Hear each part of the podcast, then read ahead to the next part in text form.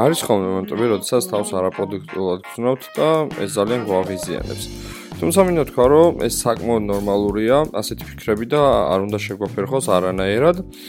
მე დატო კუტალია ვარ და ეს არის დებაგერ პოდკასტის მე-6 ეპიზოდი.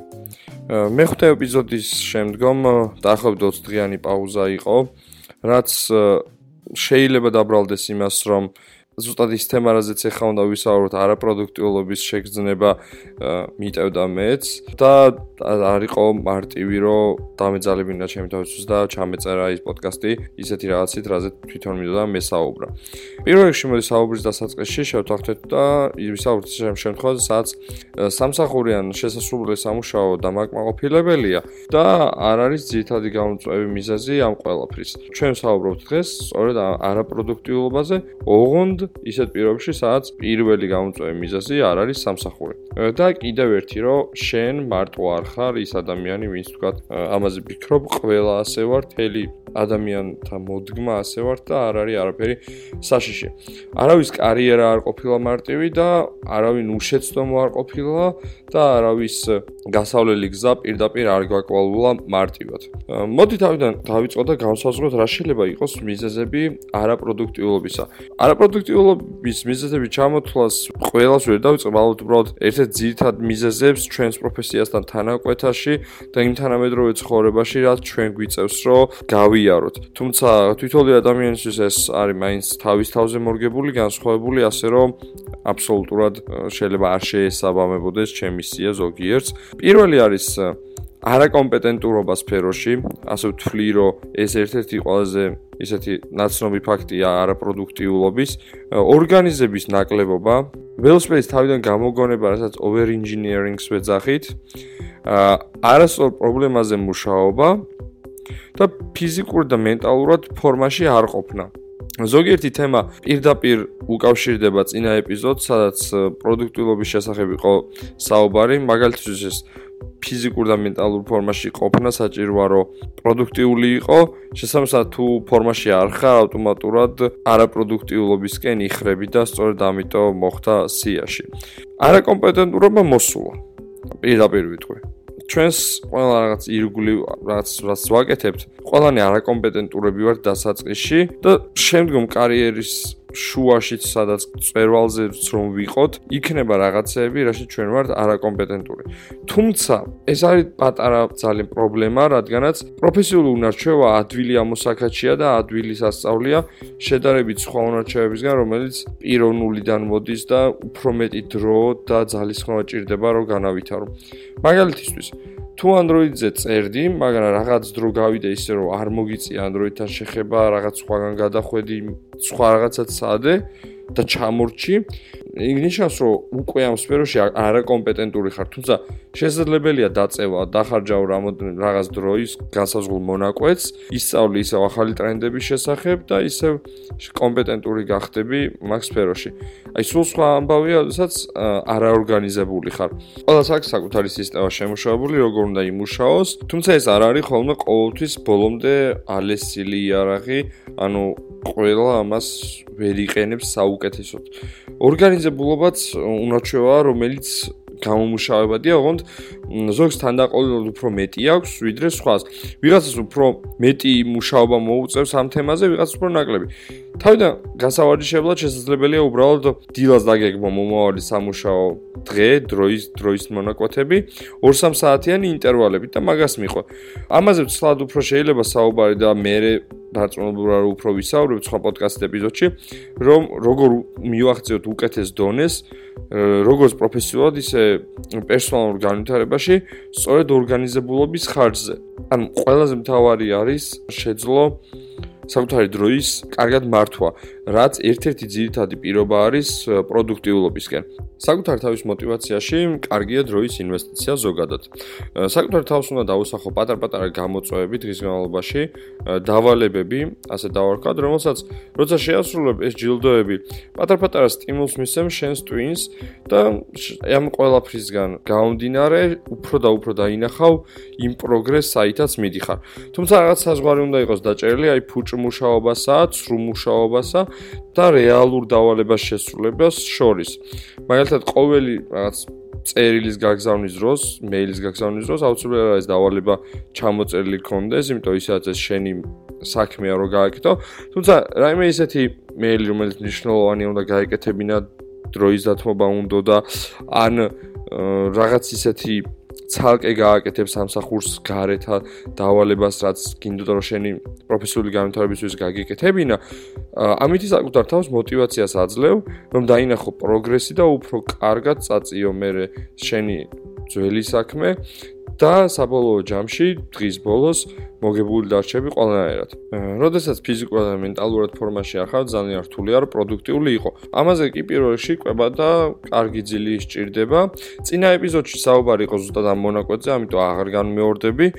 პროდუქტულების ჰაკები რეალურად იმისთვის აა შეიქმნა რომ არაპროდუქტიულობას ებრძოლო, ანუ ყველაფერი რაც გაწუხებს არაპროდუქტიულობაში, თუ გაგიჭirdება მოძებნა, შეგიძლია პირიქით მოძებნო Google-ში პროდუქტიულობისთვის რა არის საჭირო და 99% შემთხვევაში ეს უშველის შენს არაპროდუქტიულობას.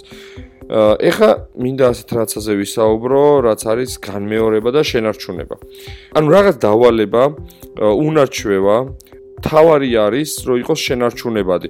ყოველი ახალი შეძენილი უნარჩვევა ან რაღაცა, რაც გამომუშავდება, უნდა შენარჩუნდეს. წინავდა შემთხვევაში ჩვენ ვერ მივიღებთ იმ შედეგს და იქნება ფუჭი. მაგალითად, თუ კი 3-4 დღის განმავლობაში რაღაცა ცდილობს შეცვალო და აკეთებ ამას, აღარ უნდა დაანებო ამას თავი, უნდა გააგრძელო, სანამ რუტინა და არ იქცევა და ავტომატურად ჩვენ არ მოგვემსახურება. მაგალითად, ძირის რეჟიმის რეგულაცია ავიღოთ. თავიდან ძალიან რთულია რომ გაიღვიძო 7-ის ნახევარზე 7-ზე თუნდაც. თუმცა ხშირად განმეორდეს შემთხვევაში უკვე ეს გადადის ბიოლოგიურ საათში იქცევა ორგანიზმის რუტინად და long run-ში ანუ გზელ გარბენზე. ძალიან მაგარი რამე არის. აი ასე როდესაც შეგიძლია საკუთარი გონების და ორგანიზმის გაწვრთნა. ასე რომ ერთ-ერთი ყველაზე მთავარი არაპროდუქტიულობა შეგვიძლია ვებრძოლოთ ისეთი რაღაცით რომ პროდუქტიული უნარჩვევებით ჩვენი ორგანიზმი დაუტვირთოთ და შემდგომ შევინარჩუნოთ. რო შორიდან შევხედოთ, შემდეგ ეპიზოდებში მინდა უკეთესად ვისაუბრო ამ ასპექტებზე, მაგრამ წინასწარ დავასწრებ და ვიტყვი, რომ აი ორგანიზმს რო შეხედოთ, არის რაღაც ერთი საშენებელი ბლოკი, რომელშიც შეგიძლია ჩასვა ნებისმიერი ნაწილი, ნებისმიერი ზუნარჩევა, რომელიც გვინდა.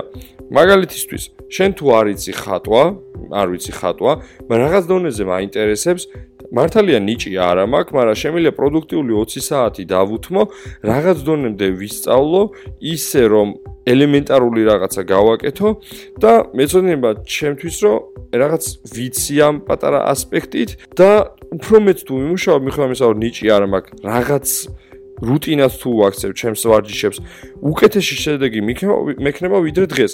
სწორედ ასეთი საშენებელი ბლოკი არის მთელი ორგანიზმი ადამიანისთვის, როგორც პერსონალური განვითარებისთვის, როგორც პროფესიული განვითარებისთვის, ყველაფერში. და ჩვენი მიზანი ცხოვრებაში სწორედ არის, რომ სწორედ ასეთი საინტერესო ბლოკებით ავაშენოთ ჩვენი მომავალი და ზოგადად ჩვენი ჩვენს ირგვლივ რაც გვინდა რომ გავაკეთოთ ადამიანებმა.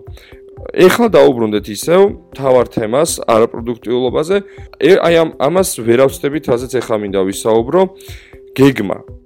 გეგმის გარეშე რთულია პროდუქტულობის შეგრძნება გქონდეს ადამიანს. არსებობენ ქაოტური ადამიანები, ვიცი, თუმცა მაინც დღის ბოლოს ვისაც გეგმა აქვს, ის იმარჯვებს. გონია რომ ყველაფერი ხელიდან გაგირბის, რაც სამყაროს ვერ ეწევი, ინფორმაციას ვერ იჭერი იმდენად ბევრია. აი ეს ყველაფერი არის დაუგეგმავობის ბრალი, ანუ ორგანიზება და დაუგეგმავობის ბრალი. ამ ყველაფერს შემდგომ მოსწევს fear of missing out. შემოკლებით FOMO არის FOMO, რაც არის რაღაცის გამოტოვების შიგნი. შიში. ჩვენს ეპოქაში ეს ძალიან ბევრს ჭირს. ეს სოციალური აშლილობა კი იმატებს აც უფრო მედროს ატარებ ონლაინში სხვადასხვა ინფორმაციის მიღებისას. მაგალითად, მე მქონდა მსგავსი, ასე ვთქვათ, სოციალური აშლილობა რამოდენიმე წლის წინ და აი მეგონა რომ ვერაფერს ვეღარ ვიჭერდი. ყველა სფეროში რაღაცა უნდა წამეკითხა, მიმეღწია, რაღაც უნდა გამეკეთებინა, მაგრამ საბოლოოდ აცნობიერებ რომ ერთ newsletter-ს აი სიახლეებს როცა წაიკითხავ 9999 იმ წამსვე გამოდის. ყველა ტექნოლოგიურ სფეროში ძრებს რაც არ უნდა ჩახედო აი რაც GitHub-დან არ უნდა გამოხვიდე სულ რასაც არ უნდა იკირკიტო აზრი არა აქვს. სანამ ეს წაიკითხა უკვე 10000 ახალი სტატია გამოსული რაც 10 პოდკასტია უკვე ჩაწერილი იმ წუთას და 100000 ახალი ვიდეო იტვირთება YouTube-ზე და სწორედ ესაა პრობლემა ამ დროს რომ არასაჭირო ინფორმაციის ათვისება გვახასიათებს ამ ეპოქაში ძალიან ადამიანებს, იმიტომ რომ სოციალური პლატფორმები დიდ როლს თამაშობს ჩვენ ცხოვრებაში. რომ შევაჯამოთ ეს ეს ყველაფერი არის ცუდი გეგმირების ბრალი. მე თუ მეწოდინება რა მინდა პროფესიაში, რა მინდა პერსონალურ განვითარებაში, საით უნდა წავიდე, ამოვირჩევ სწორედ იმ რგოლებს და მაგ რგოლების ირგვლივ დავხარჯა უფრო მეტ დროს კონკრეტულად რომ რაღაცა ცოდნა შევიძინო დანარჩენებს უბრალოდ გადავალებ თვალს და არ ვიქნები აი ყველა ფრონტზე რომ აი ეს უნდა გავიგო ეხლა ეს უნდა გავიგო ეხლა იქ რაღაც ახალი ბიბლიოთეკა დაიდო სასწრაფოდ უნდა გავარჩიო. მე რა რომ იმენაზე არ წერ და არაფერი უბრალოდ კარგია ტრენდინგში ჩავარდა და მოდი გავარჩიოთ. არა ეგ კარგია მაგრამ ეგ არ უნდა იქცეს ძირითად საქმიანობად ჩვენთვის. თორე ყურადღების არეალში უნდა გქონდეს.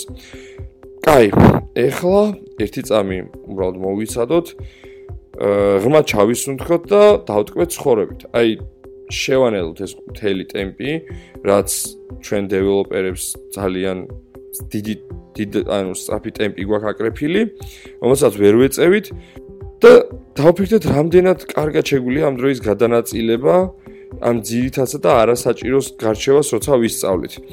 მაგალითად, ერთ-ერთი მთავარი არის აი ვარჯიში გეგმირებაზე და მე ასე გავივარჯიშე ჩემი თავი პირადი გამოცდილება შემიძლია ვთქვა რომ შემიძლია სხვა სურჩიოს და ჩემი პირადი გამოცდილება სწრაფად გადახედვა სტატიაზე, ვიდეოებზე, პოდკასტებზე, რომ ძირითადი კონტექსტი აღიქვა, არის ერთ-ერთი ყველაზე ბასრი და კარგი იარაღი დღევანდელობაში.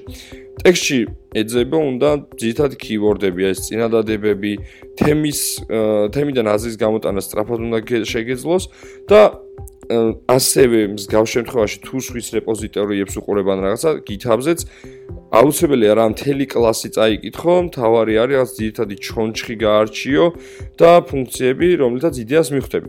ამით 10 ჯერ უფრო მალე შეძლებ რაღაც ინფორმაციის მიღებას, დროს დაზოგავ, შეგიძლია სხვა რამეზე გადახვიდე, ან ეს დრო სხვა რაღაცას მოახმარო, რაც თვლი რომ შენ ამ შემთხვევაში უფრო გჭირდება რომ გააკეთო დღეს. ეს ყველაფერი სრულიად გავარჯიშებადი სკილია, უმარჩევა, რომელზეც მხოლოდ საკუთარ თავზე მუშაობა ჭირდება. ზოგადად არაპროდუქტიულობის შეგრძნება იმდან ცუდი რამეა, რომ თვითონ მიგიყვანს გზამდე, სადაც თვითონ დაიწყებ ამ ლაიფჰაკებზე ფიქრს და ასეთ სკილების განვითარებაზე, რითაც ამოქაჩავ ამ არაპროდუქტიულობას და ავტომატურად აღმოფხრი. ეს არნიშნავს, რომ შენ ხელი არ უნდა გაანძრიო და სანამ რაც ვაშლი არ ჩამოვარდება, იქამდე არაფერი არ ქრა. არა, უბრალოდ როცა გინდა რაღაცის შეცვლა, უნდა აყვე ამ ტალღას და მიზანსაც მიაღწევ. აა ძითაჩი აი ეს არის. აქვე პატარ ხაზგასმულ ფრაზებს ვიტყოდე, რომ ნებისმიერი რაღაცა რაც გინდა რომ დაიმახსო რომ მომავლისთვის, ნუ გადადებ აუცილებლად ჩამოწერე, რადგან ეს არის პროდუქტიულობაში ერთ-ერთი ძალიან საჭირო ნივთი ცოდნა, რითაც აღმოფხვრი არაპროდუქტიულობას, სტრუქტურიზაცია და მოდი შეეშვი არ გინდა სრულყოფილება და პერფექციონიზმისადმი სწრაფვა, იმიტომ რომ ხშირად პერფექციონიზმი კლავს პროდუქტიულობას და გაგდებს თვითგვემაში და ისეთ ადგილას, სადაც შენ მუდმივად ხარ არაპროდუქტიული და გზნობ თავს არაპროდუქტიულად. მე შემილია დავლინკო და აუცილებლად იქნება აღწერაში. ძალიან კარგი სანახავი ვიდეო YouTuber-სგან MPJ-ისგან ძალიან ძალიან კარგი YouTuber-ია რომელიც აუს არაპროდუქტიულობაზე. ასევე იქნება ძალიან კარგი Android აპლიკაცია რომელიც ძირითადად ორიენტირებული არის ახალი უნარჩვევების ჩამოყალიბებაზე და ეს Android აპლიკაცია არის Fabulous და რამოდენიმეჯერ დასახელდა საუკეთესო დიზაინის მქონე და წარმატებულ აპლიკაციად Google Play Store-ზე, ასე რომ გაიცანით, იფიქრეთ დღეს რაზეც ვისაუბრეთ, იმიტომ რომ ეს პრობლემები არის რაც შეიძლება წინგვედგას, ან რაც შეიძლება გაგვივლია, მაგრამ თელი ცხოვრება ეს პრობლემები იდგება ჩვენს გვერდით. ცოტა დიდი ეპიზოდი გამოვიდა. დიდი მადლობა ყურადღებისთვის. შევხვდებით შემდეგ ეპიზოდში. ნახვამდის.